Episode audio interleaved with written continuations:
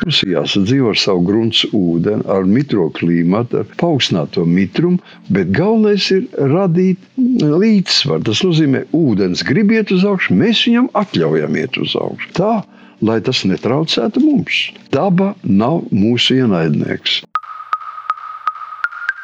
Esiet sveicināti Latvijas mediju portāla LA.CLV sadaļā Klausies. Mans vārds ir Armīns Ronis, un šis ir podkāsts Meistars. Stāsts par būvniecību, celtniecību un vispār remontiem, kas veidots sadarbībā ar būvķīmijas, betona piedevu un hidroizolācijas materiālu ražotāju Vincents Polilainu.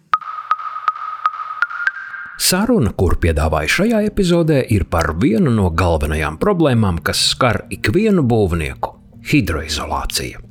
Pēc zinātniskās definīcijas hidroizolācija un hidroizolējošie materiāli paredzēti, lai pasargātu būvkonstrukcijas, ēkas un celtnes no ūdens un mitruma iedarbības.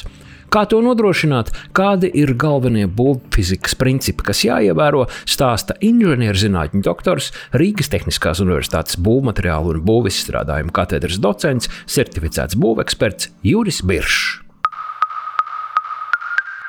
Šodien esmu ciemos pie profesora Jūra Birša viņa darba vietā Rīgas Tehniskajā Universitātē.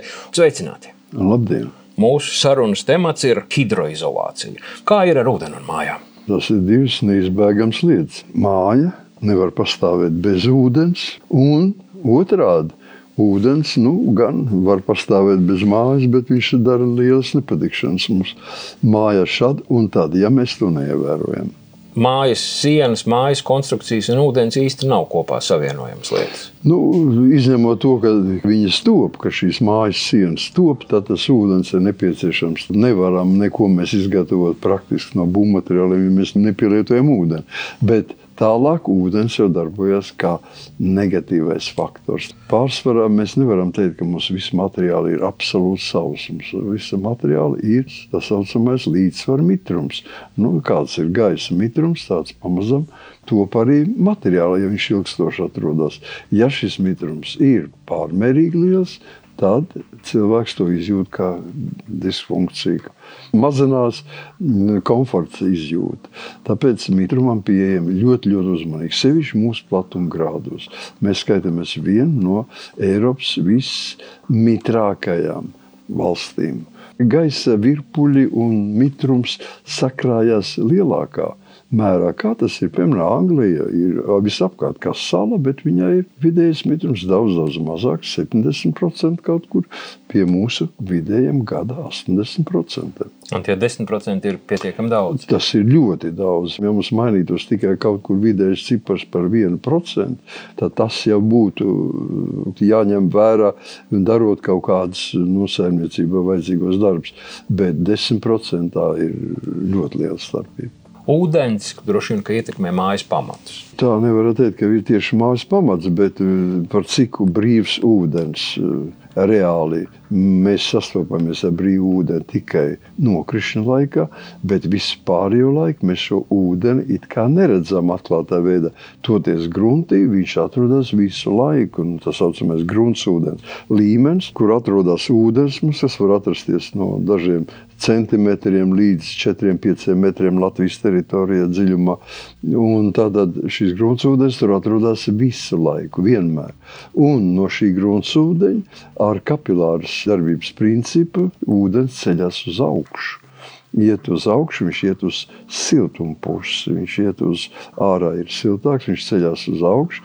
Un zem mājām ir īpaši silts. Ja, mēs zinām, ka zem mājām nekas nav sasals. Un tāpēc ūdens no visās tuvākās apkārtnes ļoti niecīgā ātrumā. To nevajag iedomāties, kas notiek ātri, bet viņš virzās tendenciozi uz ēku, uz siltāku vietu pagrabs kā tā vieta, vai mājas apakša kā tā vieta, kas ir visvairāk saistīta ar ūdeni, un visnozīmīgākais ir gruntsūdens. Tieši tā.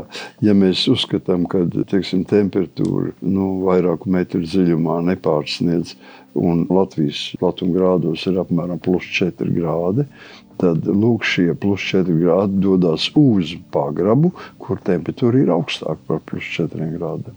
Ūdens nākot klāt, tiek arī iekšā tajos materiālos, no kuriem māja ir būvēta. Jā. ūdens iesūcās šajos materiālos. Viņš iesūcās, jā, nu, tā gluži nenotiek. Viņš iesūcās tad, ja viņam cita iespēja nav. Nu, piemēram, mums ir pagrabā betona grīda, un ūdeni nav citas iespējas, kā lai tiktu pie augstākas temperatūras klāt. Viņam ir tikai vienīgā iespēja doties cauri šim betona slānim. Tas nozīmē, ka viņš viņu piesūcināja. Ja mēs izveidotu kādu drenējušu slāni, tad viņš ietu tur. Vienmēr iet ūdens, iet dabā vieglāko ceļu. Ja tas vieglākais ceļš ir iekļūšana materiālā, tad droši vien diezgan daudziem cilvēkiem parādītos likuma sakarīgs jautājums, nu, bet tas betons ir ciets. Vai, Jā. vai jebkurš cits materiāls, Jā. kas ir lietots pie mājas uzbūves, viņš ir ciets, viņš, nu, ūdens viņam cauri netek. Nu, kā tad tas ūdens tur tiek iekšā? Ūdens rada spiedienu. Ja? Tāda šī temperatūra starpība, kas atrodas zem materiāla un virs materiāla, ir temperatūra starpība. Šī temperatūra starpība rada spiedienu ūdenī ūdens, kad viņš ir pilienu veidā, viņš kustoties, veido kaut kādu spiedienu. Ja? Un tad viņš dodoties uz augšu, lēnām, es vēlreiz atkārtoju, tas notiek lēnām un vairāki centimetri tiek veikti vairāko teiksim, nedēļu vai mēnešu laikā. Ja tas spiediens turpinājās, viņš nu, nonāk pagrabtāpā un paceļas tik lielā līmenī, cik uz viņu ir tas spiediens. Ja spiediens nav, betons būs tikai pagrabā grīdā, būs mitrs. Ja spiediens ir, un, teiksim, piemēram, pagraba, kas ir iedziļināta, nu, pieņemsim, viena metra dziļāka nekā grunts ūdens. Tas nozīmē, ka uz katru kvadrātmetru pagraba mums spiedīs no apakšas vienu tonu liels spiediens. Tas ir ļoti liels spiediens. Lai aizsargātu pagrabu no šāda ūdens spiediena, mums vajadzētu nu, vismaz, lai katrs kvadrātmetrs svērtu to tonu, lai mēs varētu izturēt. Tonna uz vienu kvadrātmetru ir milzīgs betona slānis un ar stiegrojumu vēl, lai tas nenotiktu. Tāpēc mēs bieži saskaramies ar to, ka, teiksim, tuvojoties pavasarim vai rudens sezonās, kad grunts ūdenī tomēr ir kaut kāda zināma svārstība, augstuma svārstība, un šis grunts ūdens paceļās augstāk nekā pagraba grīda, mums uzceļ pagraba grīdu gaisā. Viņi vienkārši tiek uzlausti. Tāpat nav taču vēlama ūdens iesūkšanās kaut kādās citās konstrukcijās, sienu konstrukcijās. Nekādā gadījumā ūdens uh, ilgstoša uzturēšanās kāda materiāla struktūrā ir postoša. Kokam tas izraisa puvi un dažādu baktēriju vieglu iekļūšanu. Minerālos materiālos tas izraisa tādu iespēju dažādiem agresīviem joniem, floru un sulfātu joniem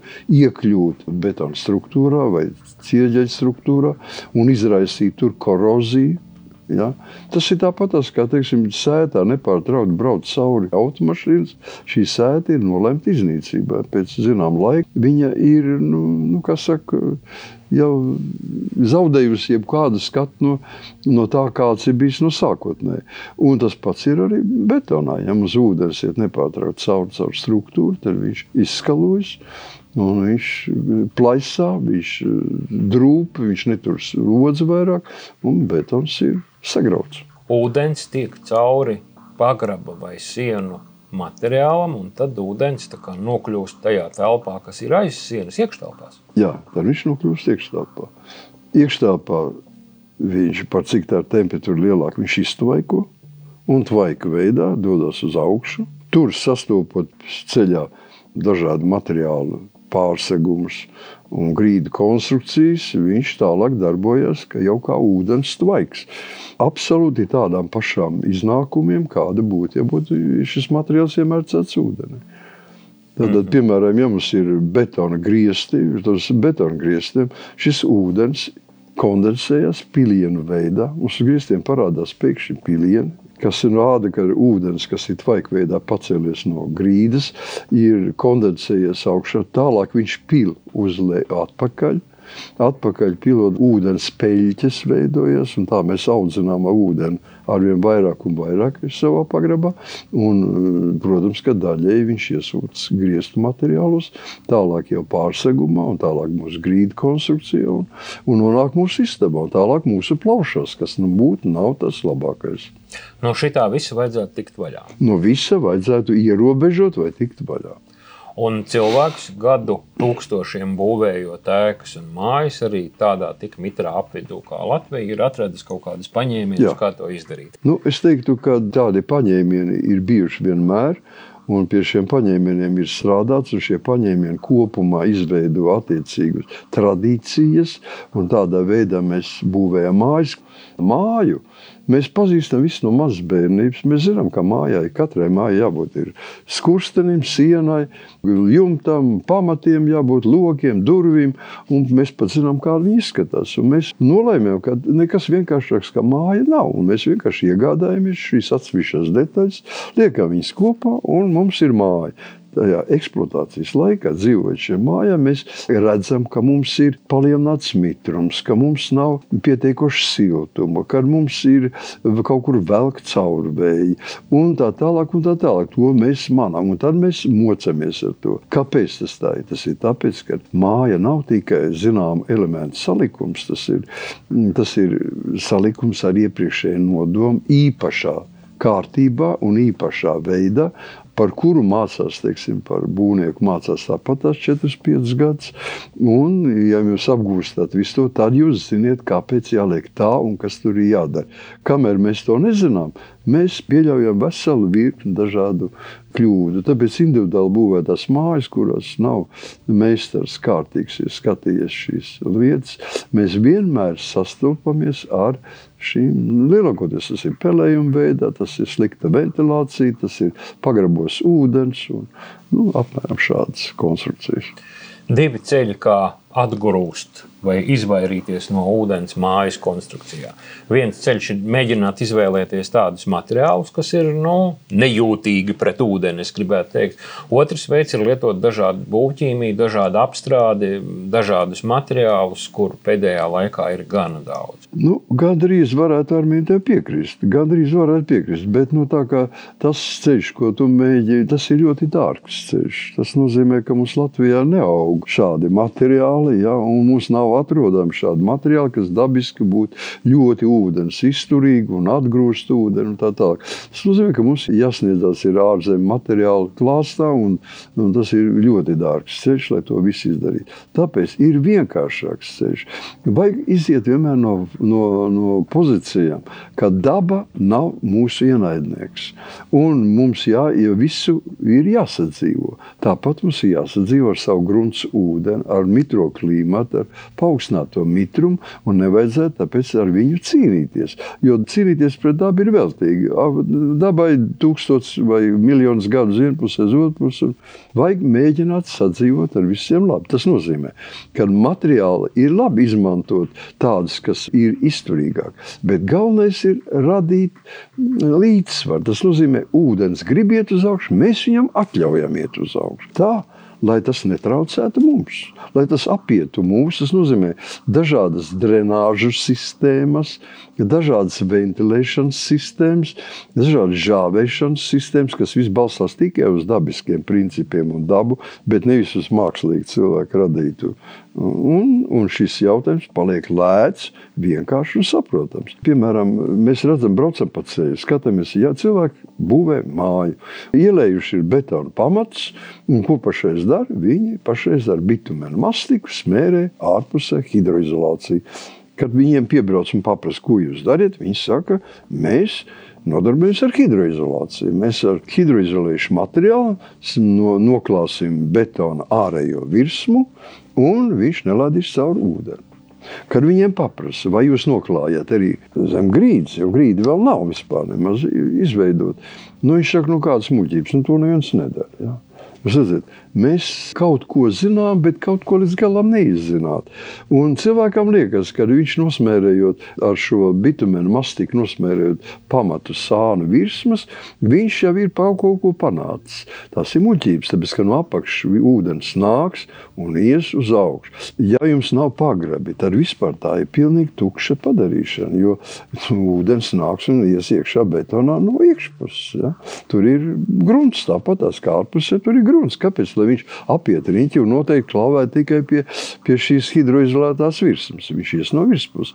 Bet viss tas ir iegājies tradīcijās. Tas viss ir nu, ne līdz galam izprasts, un cilvēki turpina, un acīm redzot, turpinās ilgus gadus, kamēr visi ieguvuši zināšanu, ka ne visur visu vajag noklāt ar dārgiem hidroizolācijas materiāliem. Piemēram, ja mēs tās pašas melnās bitumēna mastikas vietā vienkārši pie betona pamatnes pieslietu membrānu polietilēnu materiālu, veidot vienkāršu tautā sauc pumpaino membrānu. Tad mēs radītu gaisa slānīti starp betonu un starp šo membrānu. Visi horizontālie ūdeņi atdurtos membrānā un nevarētu tikt iekšā. Viss no apakšējuši droši varētu iet uz augšu. Ūdenim pavērās ceļš uz augšu, vertikāli iet gar, gar pamatiem. Viegls vai arī ļoti smagā ceļā sūkties iekšā betonā. Nu, protams, ka viņš izvēlēsies vienkāršāko ceļu. Viņš iet uz augšu, iet uz augšu, sasilst, iztvaiko, un mums radās dabīga ūdens atvadoša, drenējoša sistēma. Tad, ja būvējot māju, kaut kas nav bijis kārtībā, tad šādas mājas, nu, sauksim to glābšana, jau ir lielā mērā saistīta ar būvķīmijas izmantošanu. Ja tā māja tā apbūvēta visapkārt ar piebūvēm un, un pirtiņām, kad mēs nevaram atrakt pamatus, nu, tad paliek tikai ķīmija.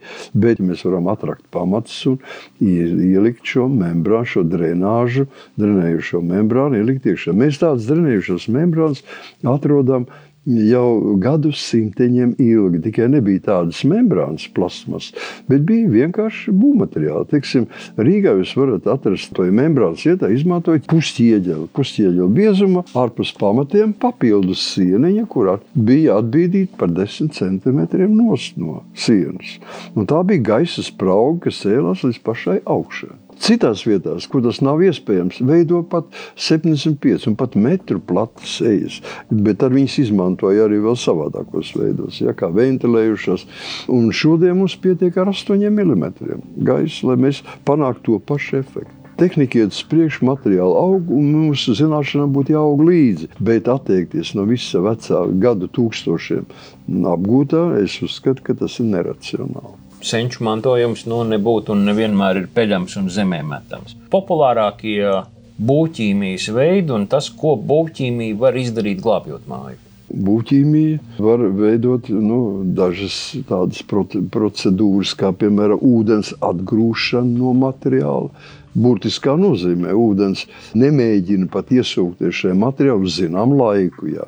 Mēs nevaram teikt, tas mūžīgi notiek, bet zinām laiku, zināmas dienas, mēnešus mēs varam neļaut ūdenim piekļūt klāt pie materiāla. Vienkāršākais veids tā ir virsmas hidrofobizēšana. Tātad izmantojam sastāvus, kas ļoti spēcīgi baidās no ūdens, ja, hidrofobs, atgrūž ūdeni Un tāpēc materiāls, kas ir uznests uz, uz šādas virsmas, rada tādu hidrofobizējušu efektu. Nu, teiksim, mēs tikko runājam par to, ka vajadzētu veidot drenāžas apkārt pamatiem. Tad, kad mēs atrokam pamatus, vai kad mēs viņus veidojam, mēs pamatu virsmu betonu apstrādājam ar hidrofobizatoru, lai vispār mēs pat arī atgrūstu ūdeni un tad liekam virsmu membrānu. No nu, tad viņi ir dubultā strādā. Un tālāk mēs bez šaubām varam, uh, gribam uz ilglaicīgāku periodu šo ūdens atgūšanu, jeb arī uz pilnīgu kontaktu, kad ūdens atrodas ilgstoši ar materiālu saskarās, mēs viņu piesūcinām ar kaut kādām ķīmiskām vielām.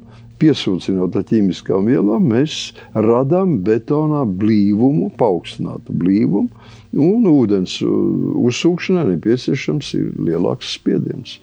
Visu hidroizolācijas materiālu mērķis ir viens - pasargāt būvkonstrukcijas un celtnes no ūdens un mitruma iedarbības. Tā ir problēma numur viens, kuru nu cenšamies risināt. Reizēm, lai tiktu galā ar hidroizolāciju, celtnieki veido hidroizolācijas sistēmas. Tas nozīmē, ka ne tikai viens materiāls vai kaut kāda viena būvķīmija, bet Jā. materiāli un būvķīmija kopā.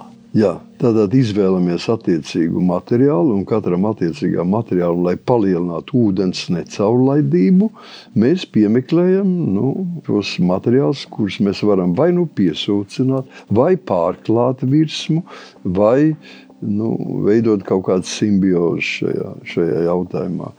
Nu, drenāžas un, teiksim, ja mēs gribam pacelt materiāla blīvumu, tad tas nav jādara visā materiāla tilpumā, to dara atsevišķā slānī kurš ir arī tas ūdens atdalošais slānis. Nu, teiksim, šādiem nu, nolūkiem izmanto tā saucamās injekciju metodes, kad mēs vienkārši iezīmējam šo slāni ar urbumiem, kuri tiek veikti nu, nevis cauri sienai, bet divas trešdaļas no sienas biezuma. Un pēc tam šis caurums, šis tunelītis vai šis urbums tiek iztīrīts un piepildīts ar zināmu ķīmisku sastāvu. Teiksim, Vincentam šādi sastāvi ir hidrofobs, ir hidrostop I80, Un ir vēl daudz no Vincenta hidroizolējušiem materiāliem, var pildīt eh, tajos kanālos iekšā. Atšķirās tikai ar to, ar kādu spiedienu mums to izdarīt. Ja tā ir pasta vai šķidrums, tad attiecīgi vajadzēs attiecīgu nu, aparatūru. Var hidroizolēt jebkuru, jebkuru sienu, Jebkuru. Jebkurā vietā var izolēt minerālus materiālus. Jā, teiksim, runa iet par šeit. Mēs varam betona, kurā ir nu, līdz 6% tātad dažādas poras, tātad iespējas. Ir ļoti spēcīgs palielināt betona blīvumu, ķieģeļu blīvumu, keramikas blīvumu, jauvu blīvumu. Tas viss ir viegli izdarāms. Nobeidzot ieskatu hidroizolācijā, kas tad katram saimniekam ir jādara, ja viņš skatās uz māju un domā, nu, man tomēr ir mitrs, man tomēr kaut kā, vai tikai man to hidroizolāciju nevajag? Pirmkārt, jau vajadzētu saprast to, ka vai nu māja ir uzcelta pareizi vai nav. Vienalga, jebkurā gadījumā mums ir jāatrod horizontālā hidroizolācija katrā mājā. Tā ir vieta, kur satiekas pamati un cokols. Tātad pamati, ēkas pamati, un tālāk nāk virsmas daļa atrodošais cokols, un cokolu atdala no mājas sienas atdala tieši šī horizontālā hidroizolācija. Šai horizontālajai hidroizolācijai Latvijas apstākļos ir jābūt obligāti. Jebkurai ēkai horizontālā hidroizolācija vēsturiskā nozīmē, kā mēs to saprotam, ūdens necaurlaidīga slānis, kuru veido ruberoidu un bituma dažādi slāņi, vai tas ir bijušas uh, ļoti, ļoti tā saucamās treknās javas. Teiksim, ja tā bija kaļķa jau, tad uh, ar ļoti lielu, lielu kaļķu saturu. Ja cementa, jau tad cements vairāk, smilts mazāk. Un, un ļoti trekniem šādiem sastāviem. Tie visi ir blīvi, ūdeni necaurlaidoši materiāli. Un to mēs sastopam šajā vietā katrā ēkā. Ja viņu nav, Tas ir slikti. Tas nozīmē, ka mitrums ceļās kapilārā veidā un no grunts uz augšu un iet vismaz metrs, pusotru metru var sasniegt virs grunts līmeņa, tālāk nu, viņš izžūst, viņš nespēja uzvilkties, bet tas ir ļoti slikti. Ja tiešām nu, nav izgatavota šī horizontālā hidroizolācija, kādreiz viņu piemirst, jaunos laikos nezinātais neveido. Visbiežāk gan tas ir apmēram pēc simts tuvu simts gadiem viņa vienkārši izzūd, kā materiāls sairst ja, un, un nespēja vairāk pildīt šīs funkcijas. Tad mēs viņu atjaunojam. Viņš var atjaunot mehāniski, var atjaunot ķīmiski, var atjaunot elektroķīmiski. Nu, mēs izmantojam lielākoties teiksim, to saucamo injekciju metodi, kad mēs iezīmējam šo vietu un šai vietai veidojam šos urbumus. Paldies, profesor Kungs, ar aicinājumu katram mājas saimniekam paskatīties, vai ar hidroizolāciju viss ir kārtībā. Mēs esam hidroizolācijas tēmu apskatījuši. Būvniecības ziņas pēc brīža pēc tam profesora Kunga atbildes uz jūsu cienījamie podkāstu meistaru klausītāju jautājumiem. Par būvniecības produkcijas apjomu kāpumu Latvijā, būvatļauju skaita pieaugumu gada pirmajos deviņos mēnešos, par Kalēju ielas kvartāla atjaunošanu vecrīgā un citi notikumi. Informācija sagatavota pēc Latvijas portālu un mēdīju sniegtajiem datiem. Leta ziņo, ka būvniecības produkcijas apmēra Latvijā šogad gada pirmajos deviņos mēnešos salīdzināmajās cenās pieauga par 4,5% salīdzinājumā ar iepriekšējo gadu un ir vairāk kā 1,6 miljardi eiro. Tie ir centrālās statistikas pārvaldes dati. Ēku būvniecības apjoms pieaudzis par vairāk kā 7%. Latvijā šogad deviņos mēnešos izsniegts vairāk kā 1600 būvotļauju jaunu dzīvokļu māju būvniecības sākšanai, kas ir par 8,6% vairāk nekā attiecīgajā periodā pērn. Savukārt rūpnieciskās ražošanas ēku un noliktavu būvniecībai, remontam, rekonstrukcijai un restaurācijai šogad deviņos mēnešos izsniegts 240 būvotļaujas. Kalēju ielas kvartāla atjaunošanā Vecrīgā plāno investēt aptuveni 12 miljonus eiro. Vissenākās apbūves atjaunošana Vecrīgā kvartālā starp Kalēju ielu un Vecpilsētas laukumu veids akciju sabiedrība Baltic International Bank. Projekta mērķis ir izveidot publiski pieejamu senās Rīgas kvartālu, kurā būs apskatāmas un aptaustāmas vēsturiskās liecības par pilsētu deviņu gadsimtu garumā. Saistībā ar strādnieku bojāju Finanšu ministrijas ēkas jumta nomaiņas laikā no amata atkāpusies valsts akciju sabiedrības valsts nekustamie īpašumi valdes locekle Kitija Gruškevica. Kaut arī par notiekošo būvlaukumā ir atbildīgs būvnieks, valsts nekustamo īpašumu padome atkāpšanos pieņēmusi. Esam nolēmuši veikt papildu pārbaudas visos aktīvajos būvobjektos un meklēt iespējas, kā uzlabot normatīvos aktus, paziņojas uzņēmums par iespēju būvēt Paula Stradiņa Kliniskā universitātes slimnīcas jaunā korpusa otro kārtu, tālāk sacensties deviņi kandidāti, kur iesniedz priekšlikumus un tika atzīti par atbilstošiem kvalifikācijas prasībām, informē slimnīcas pārstāvi. Konkursa otrajā kārtā sacensties Archers, Merks, Monum, Skonto būve un Velve, LNK Industries Group, RE būve 1, kā arī UPB un apvienība BBA, PMK un Tilts. Baltijas Arhitektu Savienība asociācijas jauno arhitektu balvu maģistra darbu kategorijā saņēmusi Latvijas augstskolas Riseba studente Ruta Rinkule. Uz balvu pretendēja septiņu Baltijas arhitektūras skolu, 16 izcilākie studentu darbi, tostarp arī četru Latvijas jauno arhitektu darbi. Rinkulas darbs ir Saukrastu novada teritorijas silamala lokāla plānojums, mainot teritorijas lietošanas veidu no dārzkopības uz dzīvojamo. Ekonomikas ministrija ziņo, ka atbalstam ģimenēm ar bērniem mājokļu iegādēji vai būvniecībai attīstības finanšu institūcijai Altuma 2020. gadam piešķirts valsts budžeta finansējums 7 miljonu eiro apmērā. Tie bija nedēļas jaunumu būvniecībā, sagatavot pēc Latvijas portāla un mēdīju sniegtajiem datiem.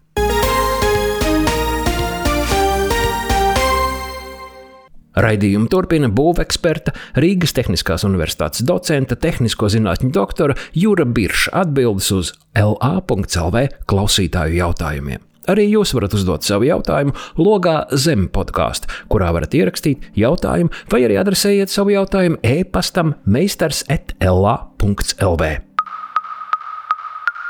Profesor Kungs Artūra jautājums. Viņš raksta tā: Mājā ir nelīdzeni dēļu griesti. Virs tiem ir tā saucamie melnie griezti un pēc tam siltinājums. Vēlos grieztus iztaisnot, liekot reģipšu profīlus un reģipsi. Vai var palikt tukšums starp reģipsu un dēļiem, vai arī to vajag aizpildīt ar kādu vātu? Jā, jautājums ir interesants savā ziņā, jo e, mums ir jāsaprot viena, viena lieta skaidri virs griestiem atrodas tā saucamie melnie griesti. Kas tad tie tādi ir? Melnie griesti tas ir apmēram 3 cm plata gaisa sprauga, kuru atdala no vienas puses mūsu nelīdzenie dēļu griesti un augšā tālāk viņam pēc tiem 3 cm atkal seko dēlīšu griesti, kas atrodas ielikti starp, starp sijām. Mēs gribam likt iztaisnot ar rīģipsi. Mums parādīsies vēl viena gaisa sprauga starp rīģipsi un esošiem. Divi melnie griezti. Un šis divi melnie griezti nav tas labākais variants, kas varētu būt. Tātad praktiski Es teiktu, pat ja tas ir iespējams, tas ir ļoti grūti atkal, e, kādā veidā piepildīt šo tukšumu starp rīķiem un dēļiem ar vati. Tas mēs nedrīkstam aizpildīt to aizdēļiem esošos melno griestu, veidojušos gaisa sprāgu. To mēs nedrīkstam, tos 3 centimetrus. Bet pirms to mēs drīkstam aizpildīt. Kāpēc ir domāti melnie griezti? Tāpēc, ka mitrums paceļoties vertikāli uz augšu, ar ūdens tvaikiem un siltums, kas ceļās uz augšu, bija ejot pie grieztiem, viņi iesūcās grieztos, iziet cauri siltums, stabili iet cauri un līdzi ņem arī daļu no mitruma. Šis mitrums tālāk iekļūšam gaisa 3 cm sprauga. Siltums stabili iziet pāri un iet tālāk. Un gal galā atdziest, un mēs kurinām pa jaunu. Ja? Mitrums nevar iziet par tukšu vietu, pāriet pāri. Un tāpēc viņš paliek. Kā tvaika veidā viņš paliek šajā spraugā. Tur nav nekāda gaisa kustība, un par cik melnos grieztus veido koka konstrukcijas, viņš vienkārši ar laiku iesūcās kokos. Un caur no, no koku aiziet. tālāk aiziet tur, kur vajadzīgs. Bet tas vairāk nav kustības, viņš lēnām regulē, un mēs sakām, mums pietiek ar melniem grieztiem, lai normālā istabā, kurā cilvēks tikai dzīvo, bet nevis pirtī vai kaut kādā, kur var milzīgs mitruma daudzums. Mums par to pietiek. Ar to pilnīgi pietiekoši. Tāpēc šodien veidot divus griestus. Nu, nav īpaši labi, tāpēc ka rīķis. Jo rīķis ir ļoti skaudīgs uz ūdeni, viņš uzsūc mitrumu un tur tik, cik viņš var to paturēt. Un tad notiks tāda zināmā kaušanās starp dēļiem un rīķis, kurš lai saturētu tos, to mitrumu. Tāpēc viegli labāk būtu, ja no aiz rīķa būtu siltumizolācija, tālāk viņai cauri iet, tas nozīmē vienkārši tiešā veidā siltums iet tālāk un sastiek īsto savu melnos grieztus, kur viņš arī paliek mitrums. Ja to var izdarīt, es saprotu, ka tas nav visai viegli. Jo, ja tas ir viegli darāms, nozīmē, ka būs liela sprauga. Ja? Liela spraugas obligāti jāpild. Tur veidot divas dubultas spraugas nav tas labākais. Jā, pa labi, paldies. Mēs esam šo principu aprakstījuši un izstāstījuši. Nikolai jautājums nākamais. Verandas jumts no apakšas. Lieku dēļus, uz tiem plānoju likt akmens vati. Vai starp dēļiem un vati nepieciešams likt kādu plēbi, vai var likt uzreiz pa taisno uz dēļiem? Ja jā, tad kādu? Tālāk domāju, likt tā saucamo jumta plēvi, tad jumta segumu. Tā konstrukcija nav briesmīgi sarežģīta. Ir sarežģīta un arī neskaidra. Es domāju, ka Nikolais pats nesaprot, kas tā ir par plēvi, ko sauc par jumta plēvi. Ja? Tas ir tāds nosaukums, ka mēs sākam precizēt, tad iznāk, ka vienā jumta konstrukcijā jumta plēvi ir difūzijas plēve, citā viņa ir vienkārši dārzniecības plēve, un trešā viņa ir, viņa ir teiksim, tvaikizolācijas plēve ar antikondensātu pamatni. Tā kā varbūt visdažādākie brīnumi. Tāpēc varbūt tas liekam, ja es saprotu, ka ir veranda, tas nozīmē, ka ārā apakšā ir ārā Kāda temperatūra? Tā ir neapkurināta telpa. Tātad neapkurināta telpa mums likt uz augšā likt kaut kādu siltumizolāciju, nu, vispār nav nekādas nepieciešamības. Bet, ja tomēr vēlās saglabāt kaut kādu šo temperatūru tajā telpā, bet nu, viņi nebūs tik liela kā istabā, bet viņi tomēr, tomēr būs, tad mums nekādas m, izolācijas nav jāliek. Mums ir dēļi, uz dēļiem mums liekam virsū siltum, siltumizolācija. Ja? Un tālāk mums ir brīvi arī augšpusē, kas nav tur brīva bēniņa telpa vai nu, konstrukcija, kāda, kur ir bez bēniņa telpas, varbūt tāda konstrukcija. Tur ir dažādi varianti. Iekšē. Ja tā būtu telpa ar dzīvojamām funkcijām. Ja? Mm -hmm. Apsildām veranda, kas ir. Tad mēs taisītu, tikko kā iepriekš jau runājām, tas melnos griezts. Tad mēs taisītu melnos griezts un, un mēs atdalītu siltumu no mitruma. Un, Un, un, un virs, virs melniem grieztiem mums būtu bieza siltuma izolācijas materiāla kārta. Bet atkal ne, nekādas plēves mēs nevaram izmantot. Lai izmantotu plēvi šeit, tad ir pilnīgi cita konstrukcija. Bet... Nu, labi, mēs esam izstāstījuši principu, kā rīkoties, un tad saimniekam pašam jāpieņem lēmums. Sarmītis jautājums. Kā man darīt, ja gribu nokrāsot griestus un sienas ar krāsu, bet tie ir krāsoti ar krītu? Vai man jāapstrādā ar kādu gruntējumu materiālu? Domāju, krāsošanas darbs veikt pati kas man jāiegādājas, kāda ir darba secība. Tā tad ar krītu un nu, krīt, sienas un grīstu. Jā, tā tad krīt, krīts. Un kas ir krīts? Krīts ir, ir um, sārmaina vide. Ja? Mums ir, mm, mēs, viņa ir neizturīga, viņa ir birstoša, un, un, un mēs ar, uz krītas krīts virsmas nevaram strādāt. Lai mēs varētu strādāt, mums viņa ir jāstrukturē, jāpadara šī krītas virsma stingra. Mhm. ja? Un tas nozīmē, ka mums viņa jāapstrādā ar kādu no būtības līdzekļiem, kuriem, kurus vispārējā nozīmē sauc par tīvgruntiem, tā saucamās dziļumgruntas, lai mēs varētu, lai šis sastāvs un parasti tas ir polimēra sastāvs, kur mēs uznesam uz šīs krītas krāsojuma virsmu, un viņš izveidos ķīmisku savienojumu. Šis krīts paliks ciets. Viņš, mēs ar pirkstu brauksim pāri, viņš nesmērēs vairāk. Nu, tad, kad būs šāda cieta virsma, mēs varam krāsot praktiski ar gan izvēju jebkuru krāsu. Tas nozīmē, ka ir vajadzīga būtība. Jā, vajadzīga būtība. Kāda? Tātad dziļumgruntis, struktūrējuši līdzeklis, dziļumgrunts. Vincentam Polalainam šād, šāds grunts ir VIPCO kas eh, ir tīrs minerāla tipa, pie tam vēl minerāla, nevis, nevis uz polimēra bāzes, bet uz minerāla bāzes veidots eh, grunts struktūrētājs. Vai arī ir tāpat kā jau, kā jau no, no sauc nosaukums stīvgrunts, dziļumgrunts. Mhm. -huh. Tā tad nogruntējuma un krāsa. Jā, nogruntējuma un krāsa. Ines jautājums nākamais. Uh, pirms trim gadiem iegādājāmies māju. Pēc iekšējo telpu remonta rudenī un ziemā uz sienām parādījās mitruma, plankuma un pelējums. Telpas apkurinātas, ir krāsnes apkūra un ir vēdinātas. Māja būvēta ap 70. gadiem no iekšpuses gāzbetona, ārpusē ķieģeļu siena. Un kā man pareizi rīkoties, lai tiktu galā ar pelējumu? Droši vien, ka vispirms saprast, kāpēc pelējums. Jā, jāsaprot, nu, pelējums ir skaidrs, ka paaugstināts mitruma līmenis. Tas ir pelējumam nepieciešams, jo pelējuma sēnītēm nav iespējama nekādā veidā ēdamais ir pietiekoši gan krāsas, gan organika, bet viņi nevar izturēt savsā vidē. Tātad nepieciešams ir vismaz 20% mitrums.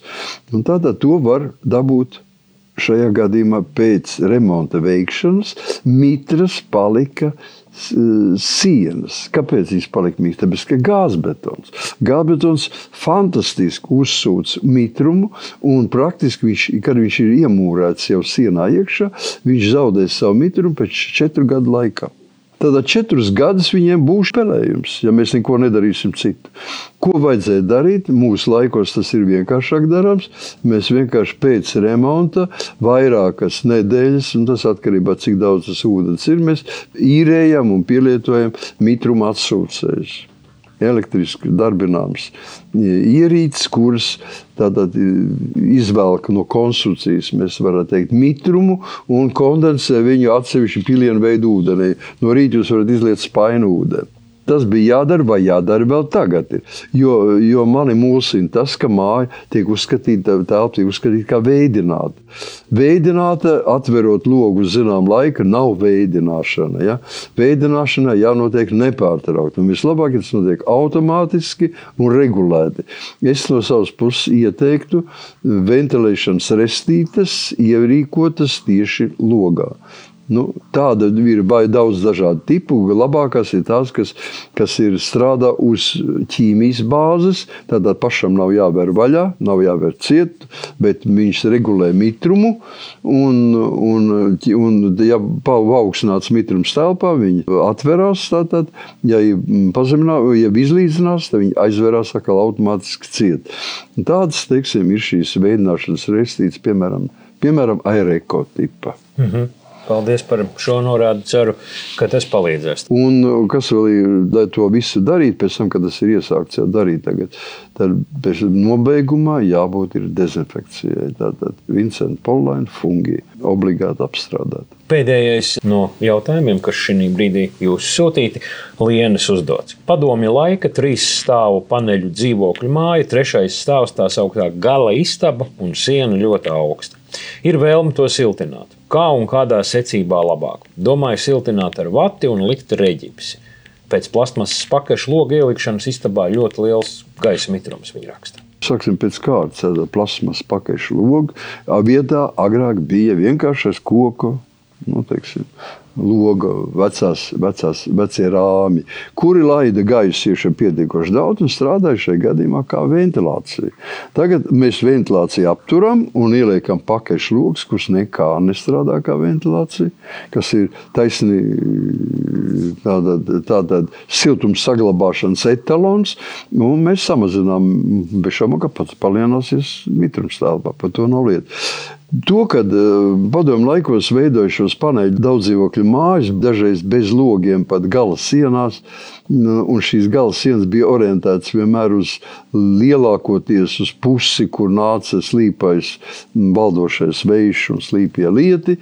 Tad šīs gala sienas ir, nu, es teiktu tā, tajā mm -hmm. cilvēki vienmēr slimojuši ar plaušām. Tāpēc, kas ir jādara obligāti, kārtīgais namsaimnieks būtu gala sienu jau siltinājis visā augstumā. No ārpuses. No ārpuses.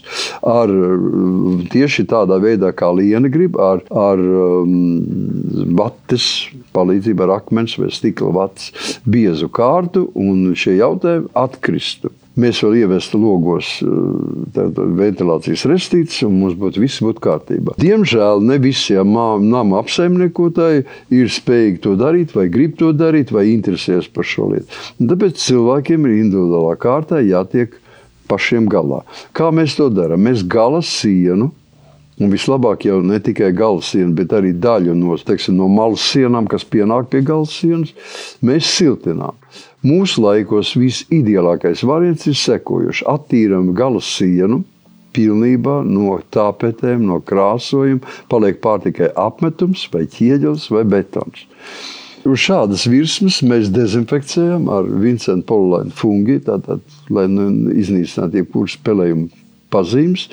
Un tad uz šādas virsmas mēs tiešā kārtā tieši ar jebkuru līmju liekam klāt, līmējam klāt mīkstas kokšķiedru plāksnes. Tas ir mīkstas kokšķiedru plāksnes, 25 mm biezas divās kārtās liekam vispirms klāt pirmo kārtu, līmējam to.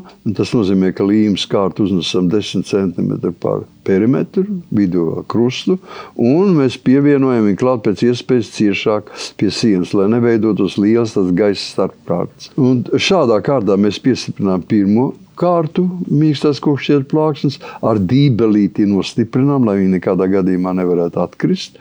Otru kārtu šķērsām, lai nesakrist šūs, mēs piešojam ar jau šotāju, tātad vienkārši ar skavotāju, industriālu skavotāju piešojam klāt. Šīs plāksnes ir viegli apstrādājums, viņām visapkārt pa perimetru ir gropes, tātad eh, spundas veida savienojums, un, un izlīdzinām pie reizes šīs šo sienu un iegūstam brīnišķīgu virsmu.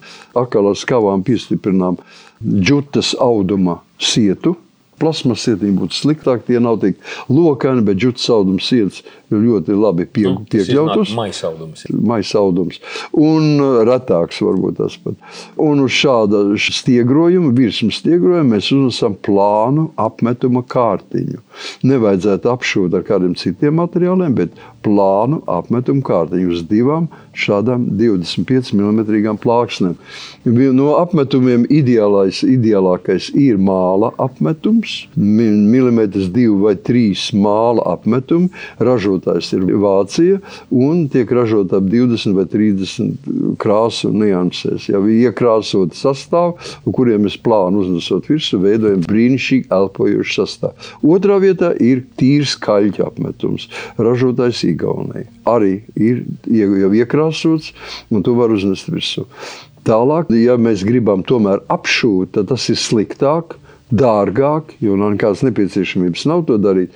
Bet var apšūt, var apšūt ar, ar rīpsi, bet nu, viņi kausies savā starpā, jo mitrumu grib viens, mitrumu grib otrs. Tas ir galīgi lieki. Tā mēs varam iztikt ar šo. Paldies par atbildi. Klausītāju jautājumu atbildējuši profesor Kungs. Paldies par atbildēm. Tiksimies pēc nedēļas. Visu labu! Visu labu! Jūs klausījāties Latvijas mediju portāla LA.CLV sadaļas Klausies podkāstu Meistars kas veidots sadarbībā ar būvķīmijas, betona piedevu un hidroizolācijas materiālu ražotāju Vincents Polilainu uz tikšanos pēc nedēļas un pajautājiet padomu, ja tas nepieciešams. E-pasta adrese meistars etlā.clv. Jautājumu var uzdot arī ierakstot to LA.CLV mājaslapā zem podkāstu atskaņotāja. thank you